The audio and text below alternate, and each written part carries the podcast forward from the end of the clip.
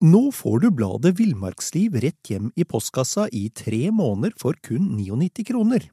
I Villmarksliv kan du lese om norsk natur, ærlige tester av klær og utstyr, og mange gode turtips skrevet av erfarne friluftsfolk, fiskere og jegere.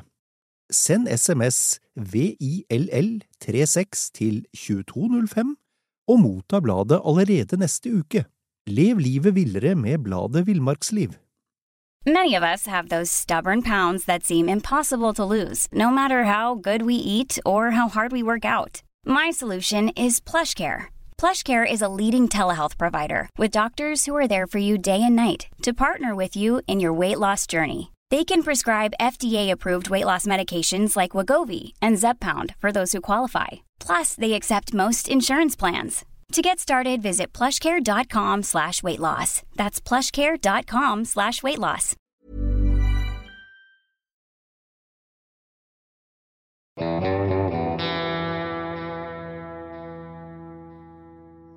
Velkommen til podkasten Villmarksliv. Mitt navn er Knut Brevik, og jeg er redaktør i bladene Villmarksliv, Jakt og Alt om fiske. I dag har jeg med meg min gode kollega Alexander Bergan. Og Alexander, du har, med unntak av to portretter, så har du skrevet boka Norske storjegere. Og her, her, må vi naturligvis ile til og fortelle at det er vi som utgir boka, så helt uhilda kan man ikke si vi er, men det er like fullt lov å mene at dette er en fremragende bok. For det er nemlig det, Alexander. Det er en fantastisk samling portretter av 26 legendariske storjegere. Fra rikskjendiser som Fridtjof Nansen og Mikkjel Fønhus til, til fattige gårdbrukere. Og etter å ha gravd deg ned i diverse arkiver og bygdemuseumer, eh, Alexander, hvem av disse storjegerne er det som har gjort størst inntrykk på deg? Du, det er mange å ta av uh, her. Um, og det er jo litt sånn uh, de, Mange av dem gir, gir, meg et inntrykk, eller har lagt igjen et inntrykk på forskjellige måter. Uh, noen fordi de var beinharde og har en hva skal jeg si, en, en historie som uh, kan sitte i mange hundre år uh, til og gjøre inntrykk på folk. Og andre fordi de er uh, dyktige både til å skrive og, og jakte. Um, så det er jo de, Disse fangstmennene, f.eks., som holdt til på Grønland og Svalbard, er jo gir inntrykk av det at de, de, kan være der oppe i isødet alene i mange år på rad med, med si, rifla som uh, sin beste venn. Dette er råskinn. Dette er råskinn. De, uh, og dette er, jo, dette er, jo, et liv de har valgt selv. Det er ikke noe at de, de er tvunget til å bo der oppe. Det, det er jo Det gir jo et sterkt inntrykk. Bare det at det, dette var det livet de valgte, på en måte. Ellers så er det jo de som har overlevd det meste. Det er jo bl.a. Uh, en uh, same som het uh, Ole Elias Thomassen, som ble kalt Oltomsa. Og han var jo altså han, han var jo i fysisk kamp med, med, Bjørn fire ganger og ble jo skamfælt. Eh, Mista en tommel, blant annet, og arr i hele ansiktet. Det, jo, det, finnes jo ikke noen bilder av han, fordi han gjemte jo seg visstnok hver gang et kamera skulle eller kom eh, i rommet. Det er grunn til å tro at han ikke var noen blomsteroppsats? Han var nok eh, på ingen måte en blomsteroppsats. Men han var gift to ganger. Eh, og, og, så, og det, det, at han slåss med bjørn, er en annen ting. Det, at han da også mistet alle de fem barna sine i tragiske ulykker, og likevel holdt det gående, er jo mer enn vi kan forvente av noen, egentlig. Så dette setter jo inntrykk hos en som prøver å gå inn i materien her, da? Jeg tenker disse storjegerne, det er jo øh, legender alle sammen. Har de, noen, har de noen felles trekk, eller er det noen egenskaper du, du har kunnet øh, registrere sånn når du har drevet research på dem? Ja, um, altså de, de, de, er, jo alle hardhauser på sin måte, og, og dyktige jegere. Um, men så har jeg Jeg tenker litt sånn at man kan dele det litt i to. Uh, altså du har uh, de bygdejegerne som nærmest uh, jakta for, altså de jakta for matauk og, og, og, gikk etter den bjørnen, holdt jeg på å si, koste hva det koste vil. Det, det, virker ikke som de har De har nok tenkt over hva de har holdt på med, men altså det, det, det er liksom Sånn var livet, på en måte. Uh, og de har liksom ikke gjort kanskje ikke så mye ut av seg og, og sånt. De har kanskje fortalt historien riktignok til noen som har skrevet det ned og, og sånt, da, men det var liksom ikke det var, ikke det, som, det var ikke først og fremst det som var viktig. Uh, og så har du byjegerne, som da gjerne har kommet uh, fra en uh, litt adelig slekt, kanskje, fra Danmark eller Tyskland, sånn langt tilbake igjen i tid, og tilhører sosieteten, da. Og de, eller eliten, og de, de, de skrev bøker om sine jaktmeritter og, og, og hadde gjerne kanskje et litt sånn, hva skal jeg si, ja, nedlatende syn overfor resten av altså Bygde-Norge, da. Mm. Um, mange av dem. Um, så uh, Ellers så Det var jo det som overrasker meg kanskje mest, er jo at det er mange av disse her som er jo gnistrende gode skribenter. Uh, med masse humor. Jeg har jo liksom ofte tenkt at humoren kom jo til Norge etter krigen, men det viser jo seg at det, det gjorde det ikke. Det har jo for eksempel da Eh, sånn som Jens Gram, som da regnes som løshundjaktens far. Ehm, han eh, var utrolig morsom. Han har ikke skrevet veldig mye eh, altså Han har skrevet litt i, i Torleif Bakke sine bøker, som gjesteskribent der. Veldig morsomt. og det, dette, er, dette, er, jo litteratur som står seg da 100 år etter. ikke sant? Og så, jo, En annen fyr er jo for eksempel han Fritz Ritzfeldt, som jo skriver også veldig godt. Uh, og kanskje er noe litt mer sånn ufrivillig morsom, sånn uh, med sitt uh, særdeles konservative kvinnesyn og, og nedlatenhet overfor alle utenfor Ring 3. Men ja. Sander, han er min favoritt. Det, det, forstår jeg. Så det er vel, men det er vel fellestrekkene. Og at de da selvfølgelig også jaktet i en tid altså De er jo, de er jo døde alle sammen, og, og, jaktet i en tid hvor det var eh, mindre elg Eller Mindre hjortevilt. Eh, riktignok mer bjørn, men, men det også Det sier også noe om, om hvor ivrige de var. At de, de feller allikevel en uh, mengde elg som få jegere i dag uh, klarer da, i løpet av et liv. Um, ja, er det, er det noe mer du lurer på om dette? um, nei, jeg, jeg, tenker eh, Det, som, det jeg syns er litt spennende, da, det, det, er jo Det er mange ting jeg syns er spennende, men en av de tingene jeg syns er spennende, er at du har jo ikke bare tatt for deg de store, velkjente som Du har jo vært inne på litt av dem disse byjegerne. Mm. Du har ikke bare skrevet om de store velkjente som Fønhus og også Nansen. Du har jo også funnet fram til flere som i dag er mer Som var mer eller mindre mm. for oss. Og, og, hva på en måte har vært kriteriene for å komme med i denne, denne boka? Den boka er jo opprinnelig basert på en, på en, serie, bare hvis vi skal fortelle det òg. Mm. Den er basert på en serie historiske portretter i, i bladet Jakt. Ja, eh, det, det vet jeg. Nei, altså Kriteriene eh, er jo at de, de eh, ja, For det første så, så, er de da ikke i live lenger, noen av dem. Det var liksom et kriterium som ble satt. Og for det andre så, så må de Ja, da hadde jo vi vært med der. Det er jo helt klart. Det andre er jo at uh, de må ha satt spor på seg på en eller annen måte.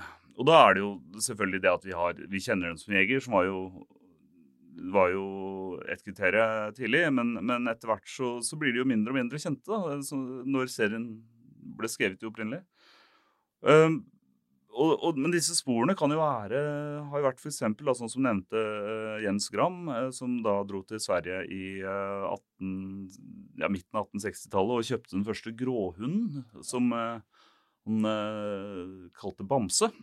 Og det er på en måte stamhunden? Det er stamhunden, det regnes som stamhunden til den norske Elgunn Grå. da. Og det er jo selvfølgelig en veldig ryddig måte å sette spor på seg på. Eller da f.eks. Halvor Heyerdahl Rask, som eh, er overraskende lite kjent i forhold til hva han egentlig eh, holdt på med. Han er, var jo han som i nei, 1845 foreslo at eh, alle rovdyr skulle utryddes, sånn at vi kunne få opp hjorteviltstammen og leve av det. da. Og han er, regnes jo da som jaktlovens far. Ellers så er det jo de som på en måte har bidratt til jaktlitteraturen på en, en, en eller annen måte. Enten med å skrive, skrive bøker selv, eller, eller som f.eks. av Per Marebo og Elling Tørristokken, som begge sies å være inspirasjonen til uh, jegeren Gaupa i Mikkjel Fønes sin bok 'Trollelgen'. da. Og har satt spor på seg på den måten. Uh, jeg snakka jo nylig med oldebarnet, eller var det barnebarnet? Nei, det var oldebarnet til Tørristokken, han, som mente at det var hans sin farfar som Eller oldefar, blir det vel. Som da faktisk var den, den inspirasjonen til Gaupa, og, og ikke Per Maribo, som man har tenkt tidligere. Han mente jo han hadde noe, både noe brev og skriverier som beviste at det var tørrhistokken som var uh, inspirasjonen til Gaupa. Men da var boka dessverre allerede gått i trykken, så det var uh, Det fikk vi ikke sett på videre. Vi får ta det i neste opplag. Det får vi gjøre. Veldig, veldig morsomt. En ting, en ting jeg tenker på, det er, ikke, det er, jo ikke, mange kvinner som har funnet verdig en plass her, Aleksander.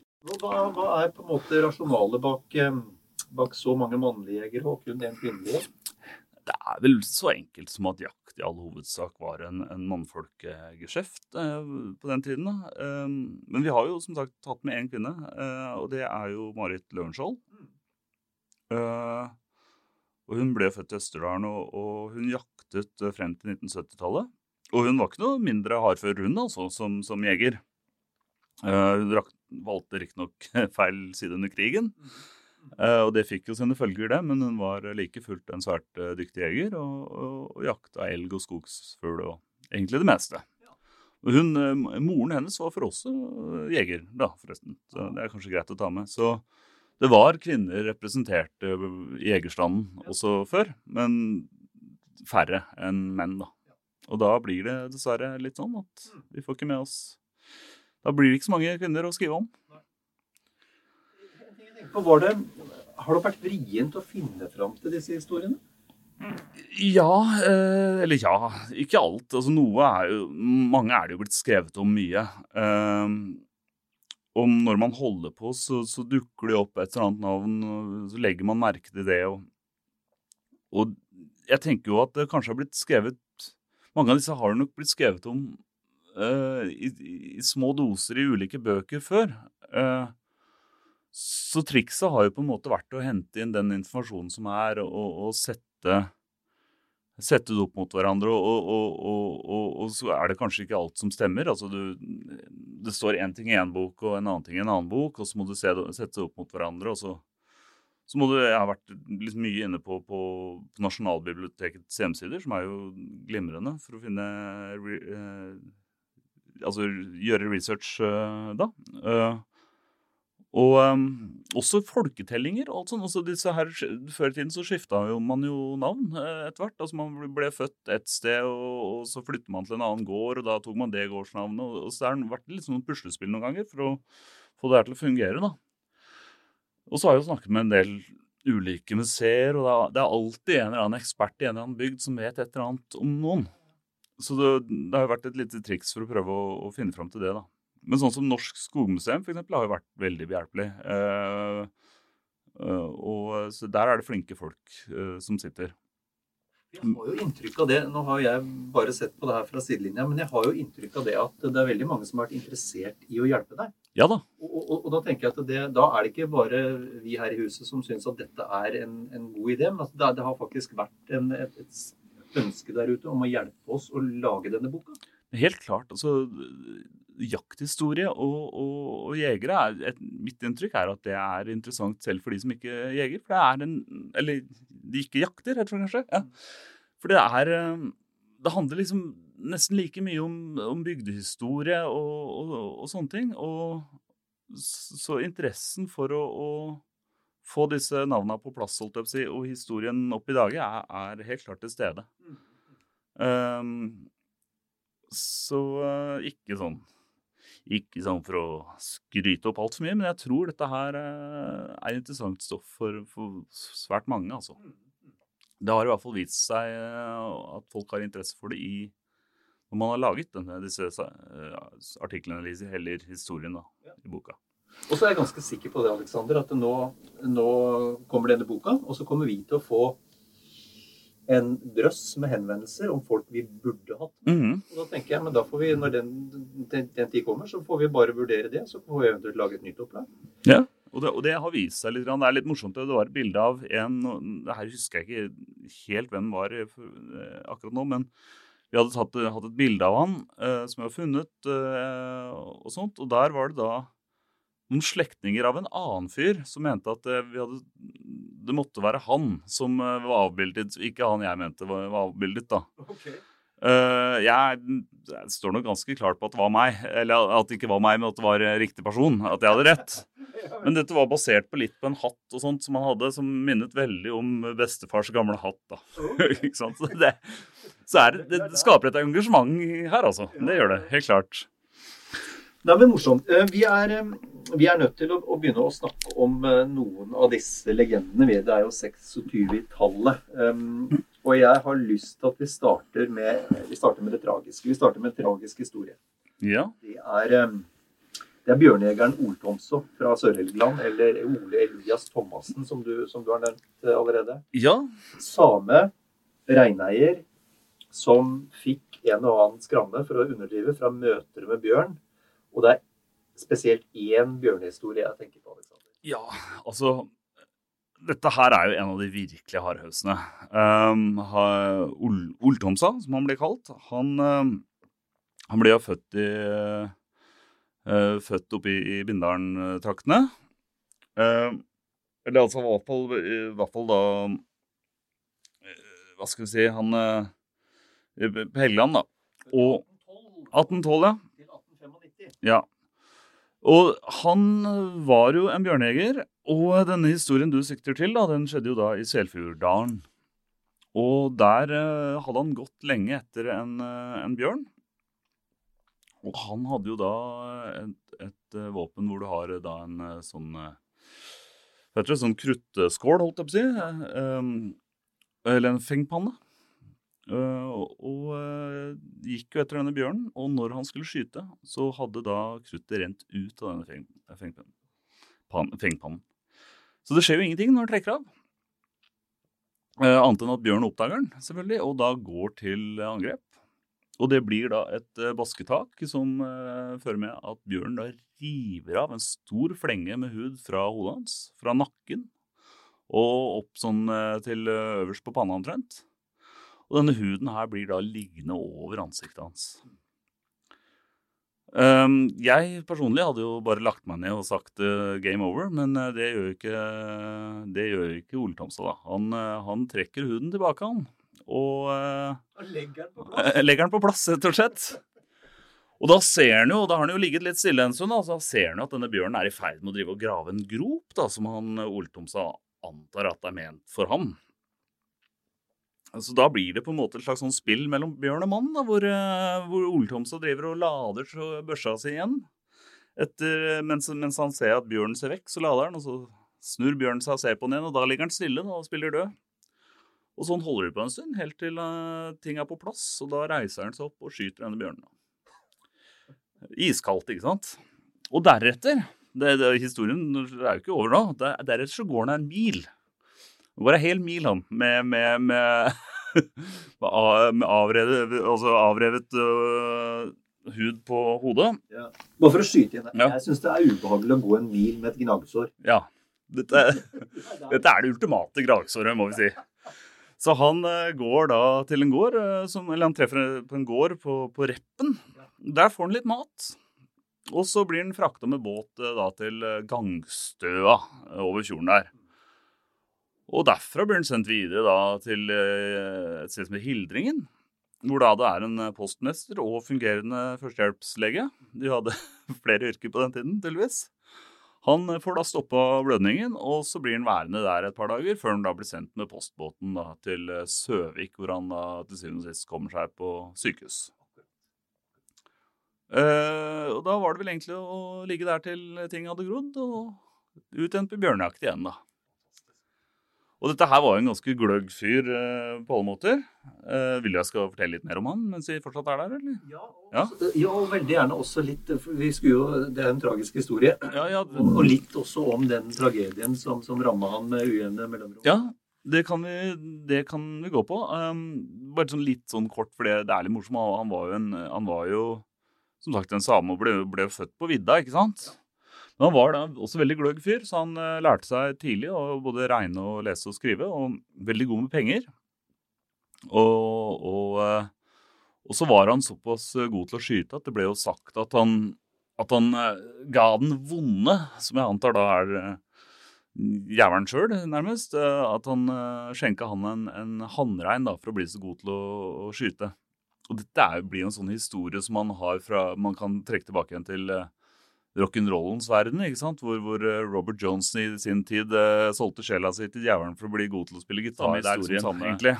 Um, men ja, han Så han holdt jo Han vant noe pris for noe fra kongen, blant annet for noen skyteferdigheter og, og, og, sånne ting, da. Men han fikk fem barn og mista alle. Den første døde av lungebetennelse, og så var det jo tre stykker som drukna. Og uh, den sistefødte, da, dattera, ble jo borte mens da far og mor var og så til reinsdyra. Og det syns jeg på mange måter ja. er den grusomste. Den, var, hun ble jo aldri funnet. Nei, for hun forsvant ut av Gamma da de var ute og lette ja. rein. Ja. Og, så, og, da var hun fire-fem år gammel? Eller sånt. ja, det, det stemmer.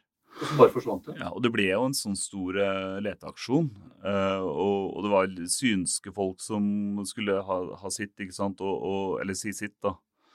Og det var vel noen som sa noe sånt som at uh, det er best om du Eller altså en, en synsperson som, som, sa at jeg veit hva som har skjedd, men det er best om du ikke vet det. Um, så um, det, er, det, er, jo Det krever sin mann altså, å stå i alt dette her. Og han overlevde jo også sin første kone. Eh, men eh, gifta seg igjen da med sitt eget fadderbarn. Og, så med andre kona så var han da faktisk 50 eh, år eldre. Um, og, men han var jo som sagt god med penger, og han gjemte jo gull og verdier og sånt oppi fjella, fjella der. Men vi fortalte aldri hvor disse pengene lå til noen. Uh, jeg var jo på fisketur i Bindalen i sommer. Og ved Åbjørvannet der så er det et lite fjell som stuper rett ned i, rett ned i vannet. Da. Og uh, der er historien at det visstnok skal vært en same som har gravd ned noe gull i det fjellet. Noen er samme samen som Oltomsa, det, det, vet jeg ikke, men det jo, er jo trolig. da. Um, og det er mange som har prøvd å finne dette gullet, men det har aldri lykkes. da. Ja, for det historien, eller det, det vil vel ha det til at da han lå på, på dødsleiet, mm så tilkalte han kona for at han hadde noe viktig å fortelle henne. Ja. Eh, og det er vel det man tror at han ønsket å fortelle henne da, hvor han hadde gjemt gullet? Ja, man tror, man tror, det, og det skjønte jo de som tok vare på han også når han lå på dødsleiet. Men, eh, og de, så de prøvde jo å, å, få det ut av ham hva han egentlig skulle si, da, men, men, eh, det han eventuelt skulle si, det ville han bare si til kona. Og hun rakk aldri frem før han døde. Så, så hemmeligheten døde med hemmeligheten om en eventuell skatt, det døde med Ole Thomsen? Ja. Det, det er korrekt. Sterk historie, altså. Så hvis, Det er veldig sterk historie. Og hvis eh, noen uh, søker, ønsker å lete etter gull, så er det da altså Bindalen-traktene kanskje et sted å mm. lete. En som også har skrevet om Oltomsa, det er jo, det er jo Arvid Svelli. Mm. Gjennom den boka som het noe sånt som 'Stien til Marklokka'. Mm. Det er vel litt sånn basert på, på, på livet hans. Uh, uh, med litt sånn kunstnerisk frihet, så vidt jeg har forstått det. Åh, oh, Nei, jeg blir helt, helt, kald på ryggen jeg hører sånn. Vi, vi, må videre. Det, vi skal snakke om flere av disse uh, legendene, vi, Aleksander. Ja. Og da vil, jeg, uh, da vil jeg foreslå at vi snakker litt om, uh, om Fritz Huitfeldt. Fritz Huitfeldt, ja. Ja, han er jo en artig kar. Han, han er jo kanskje mest kjent for Huitfeldt-bindingen. Mm. og at han og sin på en måte, hva skal jeg, påvirkning på, på norske skisporten. Um, for folk flest er han vel kanskje mest kjent for som det. Han var jo, så vidt jeg husker, oldefaren til Anniken Huitfeldt. Ja, politikeren, ja. ja. Han var vel også den som bestemte hvor Holmenkollen skulle ligge igjen? Ja, jo mer eller mindre, tror jeg. Um, om det var egen hans beslutning alene, det er jeg usikker på. Men det var i hvert fall Holmenkollrennet og alt sånt er liksom litt sånn hans uh, fortjeneste. Så det, det finnes jo en, en en byste av han oppe på Tryvann. Um, men han uh, er jo en av disse jegerne som kommer fra en sånn dansk adelsslekt. Og, og, og eksempel på en, en, veldig god skribent. Og som sagt da også litt uh, ufrivillig morsom i vår tid. Det, det, det, påfallende med han, altså hvis man leser han i vår, uh, vår tid, er jo at han i, i bunn og grunn syntes at vi egentlig hadde strukket strekken ganske langt, når det, både når det kom til likestilling og jaktetikk allerede ved, på eller slutten av 1800-tallet. Ja. Så han, han, var jo sånn fyr som likte helst Helst så skulle han skyte fuglen rett utafor husveggen eh, midt i Oslo sentrum, hvis han, uh, hvis han fikk velge, da. Ja. Ja, for han jakta sammen med Fridtjof Nansen. da. Det stemmer. De jakta, de jakta rugde og vadefugl i Kirkeveien, der NRK-huset ligger nå. Ja, på Marienlyst. Det skal jo sies at Oslo var litt mindre på den tiden. Ja. Men uh, han ble jo etter hvert pressa lenger ut, ut uh, i marka, han også. Og det syns han var, var, Det likte han ikke.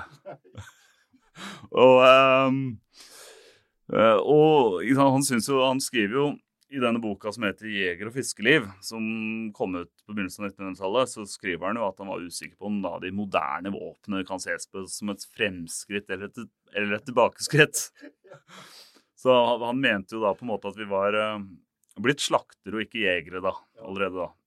Altså, han var jo jeg, jeg, jeg, har jo allerede sagt det, han er min favoritt. da. Mm. Og jeg, tenker at, eh, jeg, tenker at, alle må vurderes i lys av den tiden de lever i. Mm. Men han var jo en vidunderlig grinebiter. Ja, han var det. Og, og boka hans 'Jeger og fiskeliv', den er jo helt, den er helt episk. Den er, den er, episk på veldig mange måter. Men, og, men det som er Man vet jeg syns det er litt vanskelig å lese den nå og lure på om han egentlig skriver det med et snev av humor selv, eller om det er dønn alvorlig fra hans side.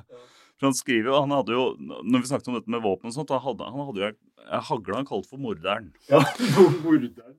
Og det var fordi han hadde, som han skriver, en fenomenal drepende evne.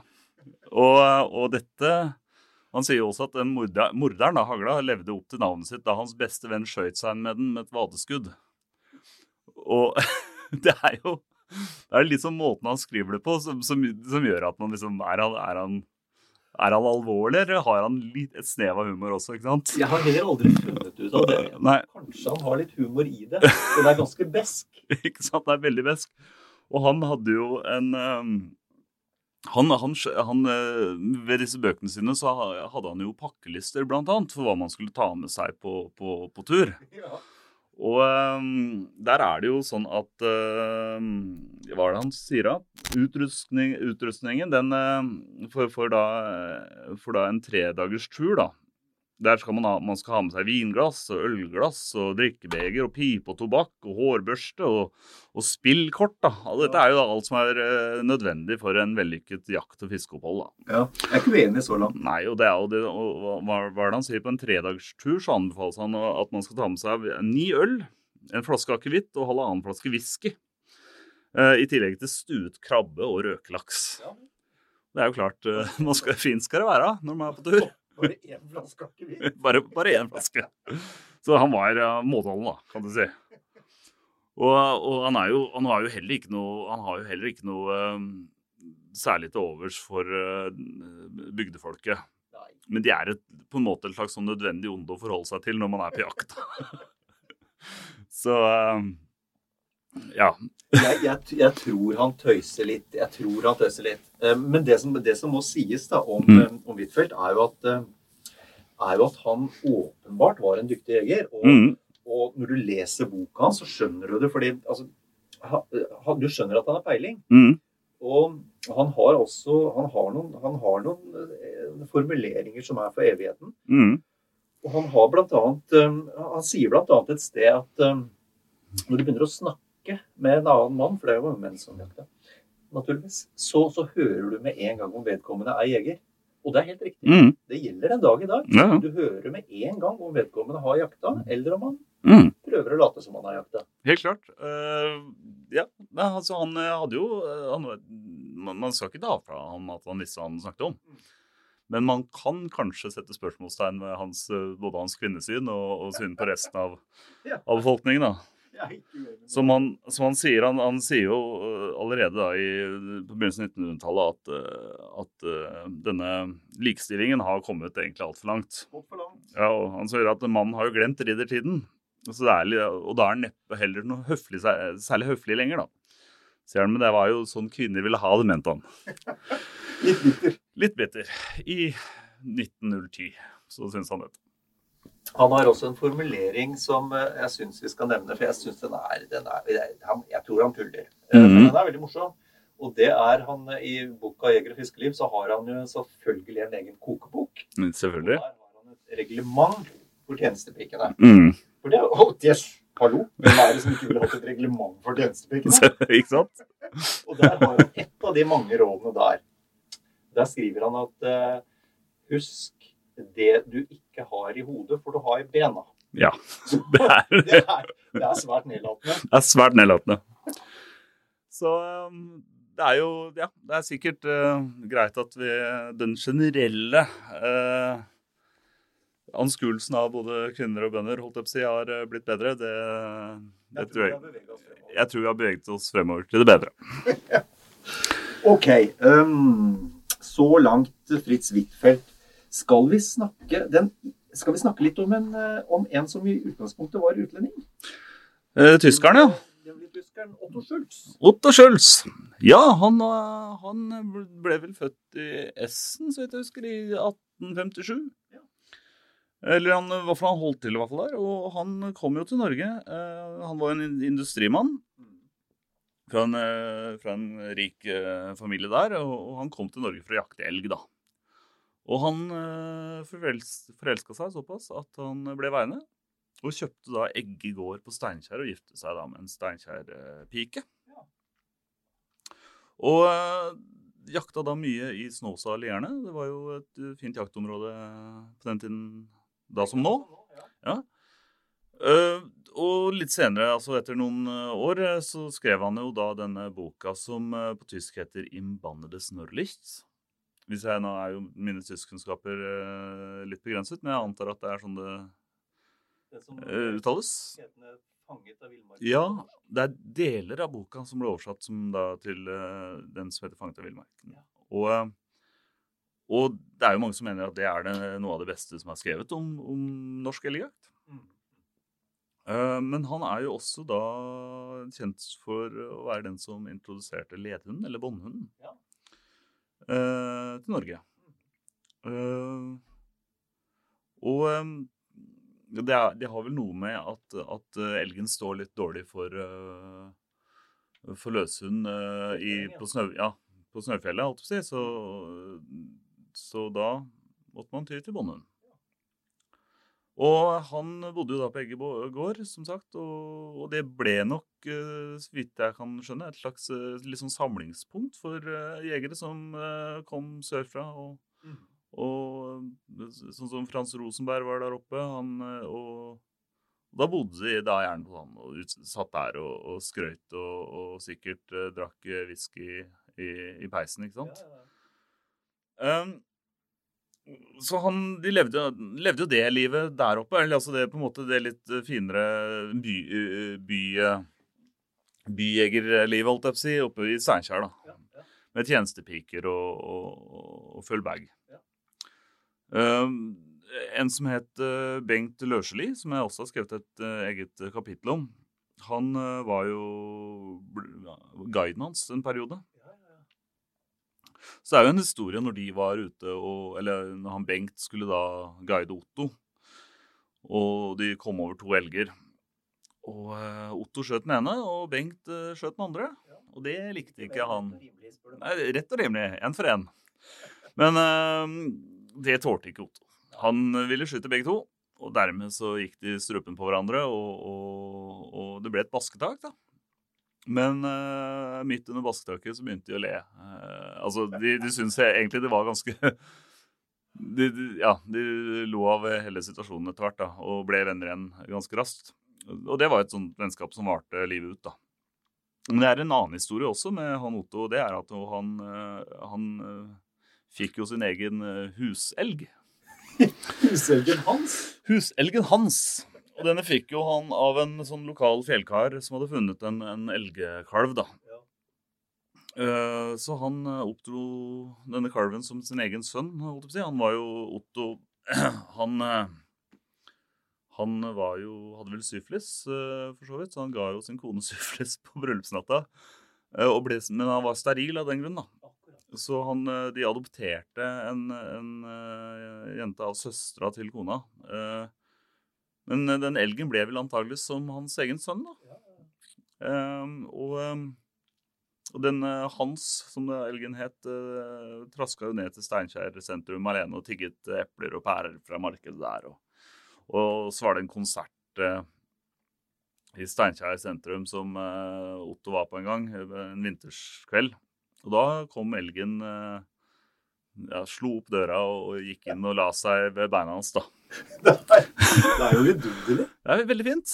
Jeg, nå husker jeg ikke helt sånn hva som skjedde med den elgen, men jeg antar vel at uh, den vokste opp på et eller annet tidspunkt og sikkert ble felt. Uh, men uh, Noen ting er det greit å ikke vite. Ja, det er kanskje det. men jeg leser i Han var jo, han var et kulturmenneske, mm. og, og, jeg leser av, av saken du har skrevet om han, at Eh, han også ganske tidlig så den eh, faren ved nazismen som, eh, som på det tidspunktet var begynt å blomstre? Ja, han, han gjorde det. Han Det vel, var vel allerede sånn på slutten av 20-tallet, eller 1929 eller noe sånt, så var det vel en avis han drev og, og leste i på, på, gården. Med et bilde av Hitler og sånt. Og da, da skal han ha sagt at, at for en råhet det er i øynene på denne mannen. Det var en helt korrekt beskrivelse. Det var en helt korrekt beskrivelse. Så han så jo, så jo det komme. Um, det hører med til historien at uh, Norges største samling av gevirer på et eller annet tidspunkt uh, var på Eggegård. Uh, og en del Munch, det var en del Munch-malerier og sånt som hang der også. Disse, men en del av dette her, eller mange av disse gevirene de, gevirene, de forsvant da i noen branner på 70-tallet. Og det er jo veldig synd. Eh, også en del med kunsten. Jeg vet ikke hva som skjedde med Jeg vet at eh, et Munch-maleri bl.a. Eh, er blitt solgt og, til USA og kommet tilbake i ettertid. Men Så ja, det, var, det gikk mye tapt da i disse brannene. Mm. Selv så døde han vel 1935, tror jeg. Nettopp. Så ja. Det var, det var Schultz. Fascinerende. Fascinerende skjebne, holdt jeg på å si, og historie. Mm.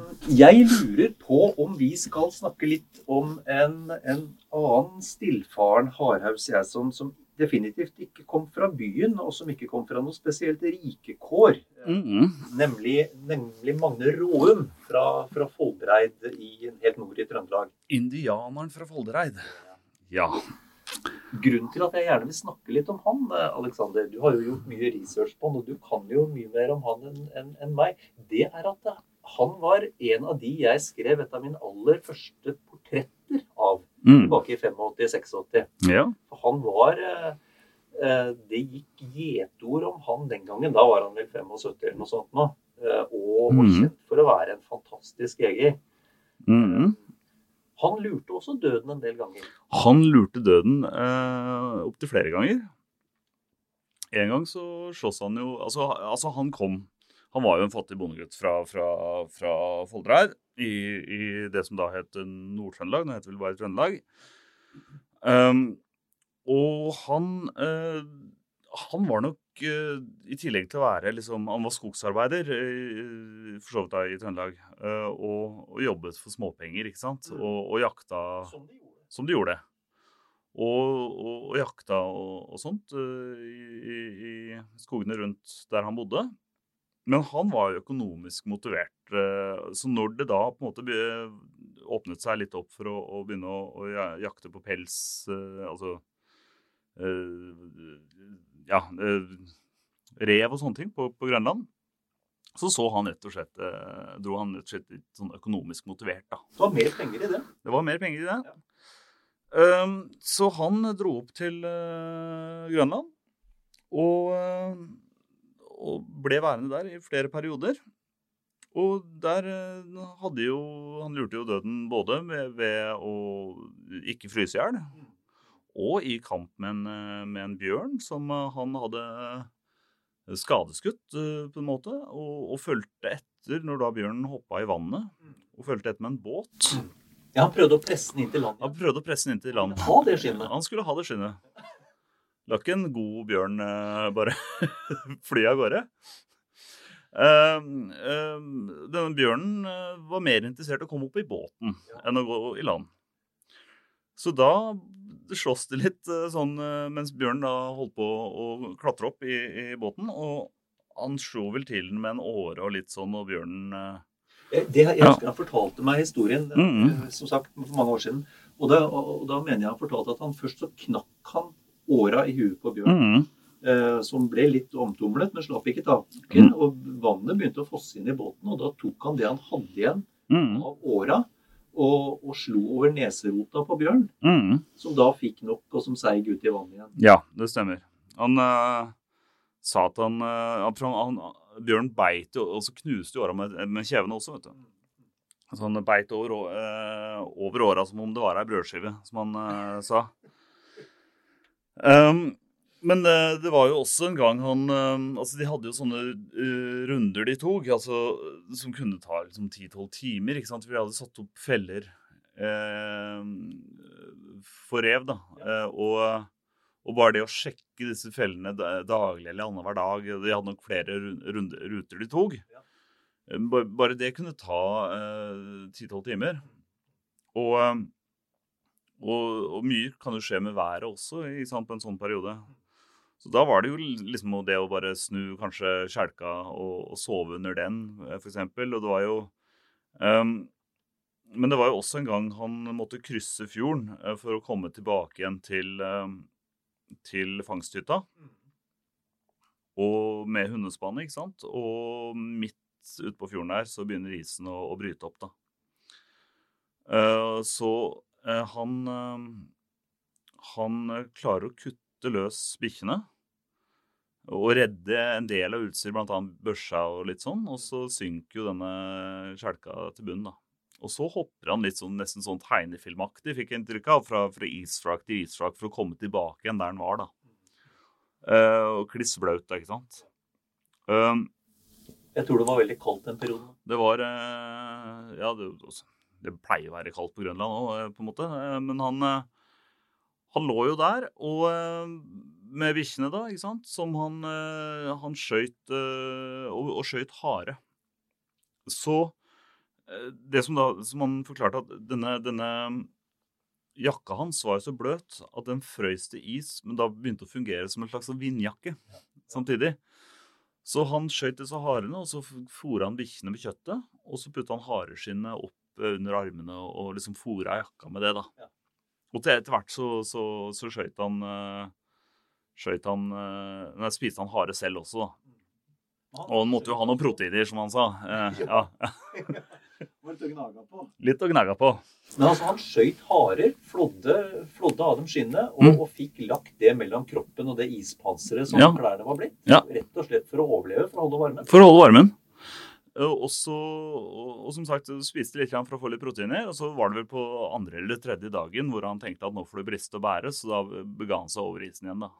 Og da hadde han frosset såpass at den bar over på men det skal jo sies at uh, han, uh, han skjøt jo ikke hare etter Altså når han kom tilbake igjen til, til, uh, Trøndelag og, og fikk jo barn og, og sånt, ikke sant. Og de, da la han ned et forbud da, mot ja. å skyte hare.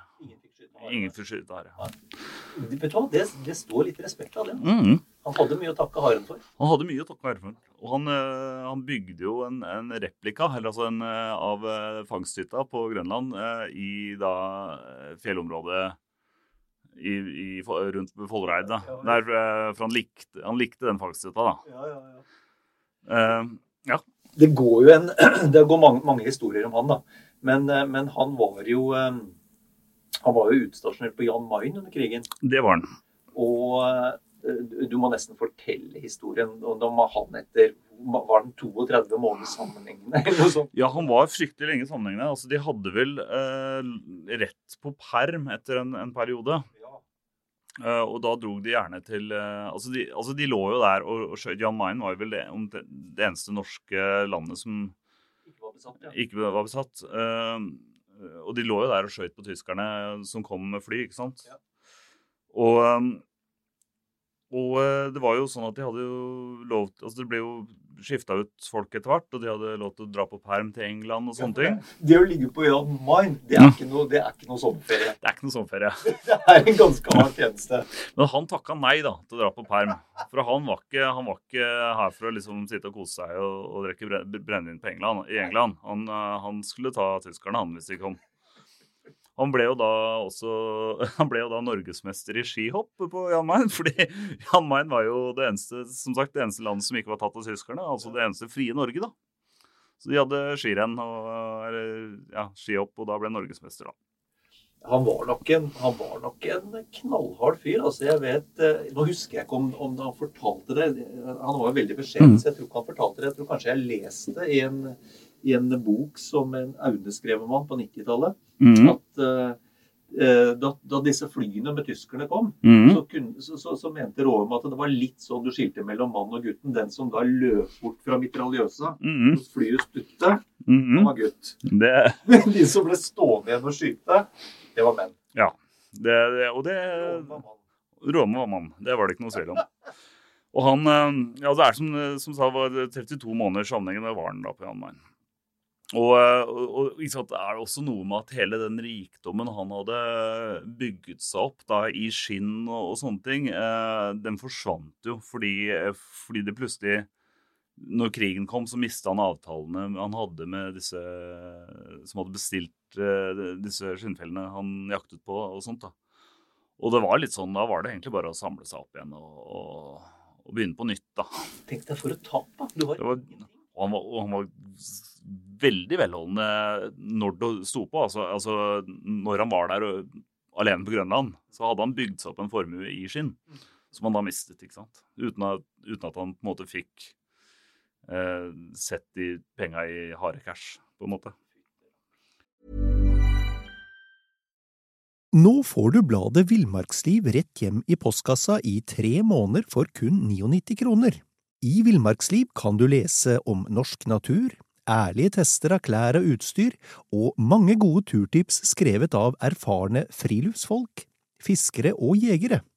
Send SMS VILL36 til 2205 og motta bladet allerede neste uke.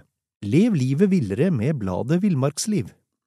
There's never been a faster or easier way to start your weight loss journey than with PlushCare. PlushCare accepts most insurance plans and gives you online access to board-certified physicians who can prescribe FDA-approved weight loss medications like Wigovi and Zepbound for those who qualify. Take charge of your health and speak with a board-certified physician about a weight loss plan that's right for you. Get started today at plushcare.com slash weight loss. That's plushcare.com slash weight loss. plushcare.com slash weight loss. Som han eh, levde til han var eh, 93 år gammel. Gud vet hvor mange forfrosninger og alt sånt han har. Det tæra tydeligvis ikke på kroppen eh, nok til å ta knekken på han eh, før han ble veldig veldig gammel. Da. Dette var, dette var årskinn, altså. Mm. Vet du hva? Eh, Her, her flyr tida, men vi er, nødt, vi er nødt til å prate om én til av disse 26 storjegerne du har skrevet om, Aleksander. Mm. Det er eh, han Mikkjel. Mikkjel Fønhus. Mikkel Fønes, ja. Han er jo en eh, kjent uh, fyr for kanskje Kanskje mer kjent for uh, ikke-jegere, holdt jeg på å si, som forfatter. Og var jo en periode Norges mest leste forfatter på 2030-tallet. Um, skal vi se, født i 1894 var det, Lise Sør-Aurdal. Og han, det var jo en spådom om, om han, eller altså faren hans fikk jo, snakket jo med ei finnkjerring. okay. uh, som kunne fortelle han at uh, han skulle føde to sønner, og den ene skulle bli kjent langt utafor bygdas grenser. da. Det hadde hun rett i. Det hadde hun rett i. Så eh, Mikkjel, han, eh, han eh, vokste opp eh, rundt jegere og tjuvlytta på jegerhistorier, eh, eller altså jakthistorier fra disse jegerne. Og ble veldig interessert i skogen og, og, og jakta. Eh, fra tidlig alder av. Og eh, begynte jo da å jakte ganske ung. Han både tjuvjakta og jakta um, lovlig. Og også, han er vel også sitert på noe sånt som at det var et større øyeblikk for ham å stå med sin første hagle i hånda enn det var å stå med sin første bok. Det er, det er blitt sett, sitert på, ja. Da er du rimelig interessert. Det er du rimelig interessert. Så um, han eh, skulle jo egentlig bli eh, altså, altså, Mora hans var veldig opptatt av at sønnene skulle få, få god utdannelse. Ja. Og ikke bli liksom værende i bygda. Og han var jo på ingen måte en uh, dumming, han. Uh, så han stakk jo til Oslo og, og skulle utdanne seg som advokat. Eller studerte jus i hvert fall. Um, og Men trivdes nok ikke helt med det. Han ble rastløs når han visste at det liksom Når det vaka i elva og og når jaktsesongen begynte og sånt. Så han, eh, han finnes jo ikke på noen klassebilder, eh, blant annet. For da, da var han allerede på fisketur, han. Andre steder, han da? Ja, da var han andre steder. Så øh, Men var jo også veldig interessert i å skrive, da. Så han øh, begynte jo å øh, publisere litt i noen sånne tidsskrifter og sånt før han ga ut sin første bok. den ble vel da skal vi se Når var det han skrev sin første bok, vil du tro? Den, I hvert fall denne, den, denne, boka som heter 'Der villmarken suser', kom vel ut i 1919, tror jeg. Da fikk han jo eh, brev fra Fridtjof Nansen som lov, lovpriste hans eh, forfatterverk, eller altså hans bøker. Og så kom jo 'Trollelgen', som er hans mest kjente bok, ut i 1921. Altså da En skoggangsmann fikk han, eh, fikk han utgitt i 1917? Eh, 1917, ja. Så det var to års intervaller, da. Mm. Uh, og han, og han skifta jo da Han, han ble jo født uh, Mikkel. Men uh, han putta inn J-en så det ble Mikkjel.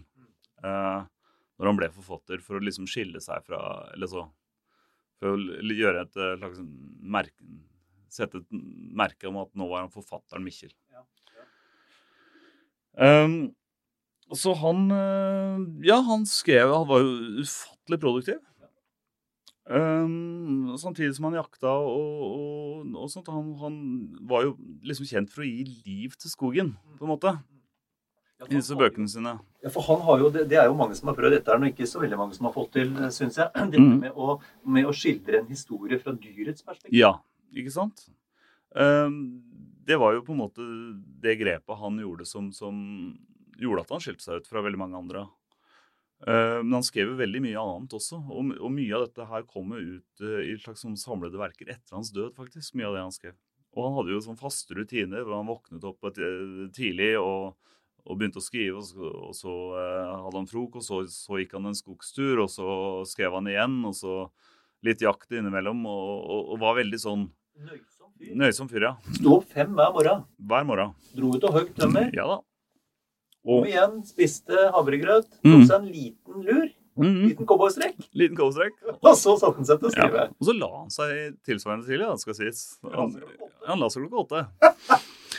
så, uh, dette her holdt han jo Sånn holdt han jo på. Uh, men det som er litt interessant med, med Michel, var at han ble jo om ikke jaktmotstander, så ble han uh, litt sånn reservert mot å jakte selv mot slutten av, av, livet. Og Det må jeg si, det Jeg vet du ikke har godt av det, men jeg, må jo, det må jeg skryte litt av det, Aleksander. Du har skrevet en ingress her, eller en opp, oppsummering av Mikkel Fønhus, som jeg syns er smått genial. Og det er Det var jaktlysten som dro Mikkel Fønhus vekk fra jusstudiene og samvittigheten som til slutt dro ham vekk fra jakta. Ja, og det var det nok. Og det var jo det. Ja, det var jo det. Han, eh, og han var jo også veldig tidlig ute med å kreve at man skulle ha jakt, altså skyteprøver på storvilt og sånt. da. Mm. Det var han forkjemper for. Og, og veldig sånn uh, hva skal jeg si, tidlig miljøvernsforkjemper på, på sin måte. Og det var vel en uh, Store rovdyr også hadde han vel et ja. hjerte for, og, og svært skeptisk til den lisens, ikke lisensjakten, men frie jakta ja. på store rovdyr. Helt klart, han var det. Var det, og han var, det var vel en kompis av han som sa at han, han trodde ikke at han, at han skøyt noe de siste ti leveåra sine.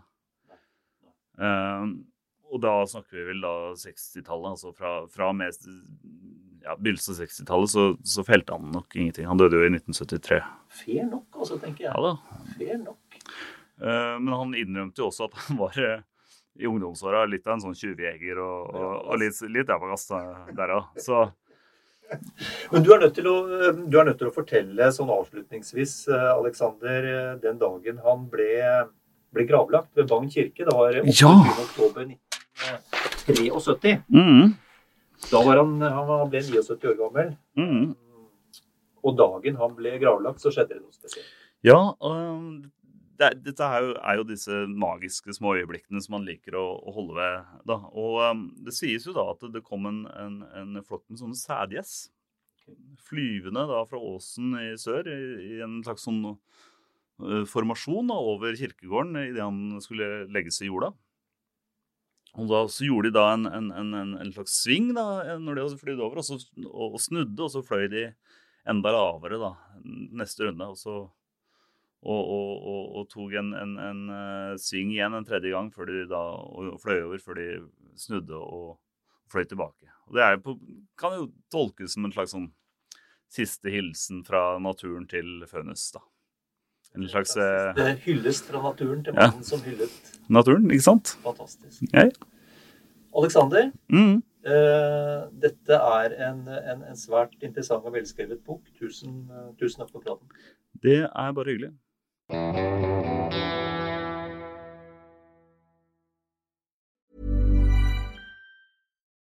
Nå får du bladet Villmarksliv rett hjem i postkassa i tre måneder for kun 99 kroner. I Villmarksliv kan du lese om norsk natur, ærlige tester av klær og utstyr, og mange gode turtips skrevet av erfarne friluftsfolk, fiskere og jegere. Send SMS VILL36 til 2205 og motta bladet allerede neste uke. Lev livet villere med bladet Villmarksliv. Mom deserves the best, and there's no better place to shop for Mother's Day than Whole Foods Market. They're your destination for unbeatable savings, from premium gifts to show-stopping flowers and irresistible desserts. Start by saving 33% with Prime on all body care and candles. Then get a 15-stem bunch of tulips for just $9.99 each with Prime. Round out Mom's menu with festive rosé, irresistible berry chantilly cake, and more special treats. Come celebrate Mother's Day at Whole Foods Market.